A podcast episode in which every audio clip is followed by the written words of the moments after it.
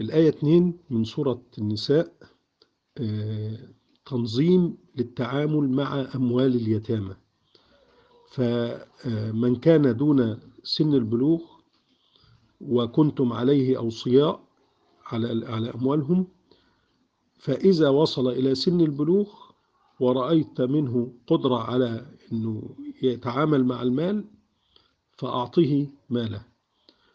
ولا تخلط الجيد من هذه الأموال الأموال مش الفلوس بس يعني الأموال ممكن أرض كويسة ولا كده وتجعل مكانه الرديء. تقول والله ناخد الأرض دي وادي له فدان مكانها جوه شوية أرخص يعني.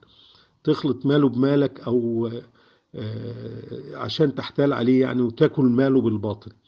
فإن من يتجرأ على ذلك فقد ارتكب إثما عظيما.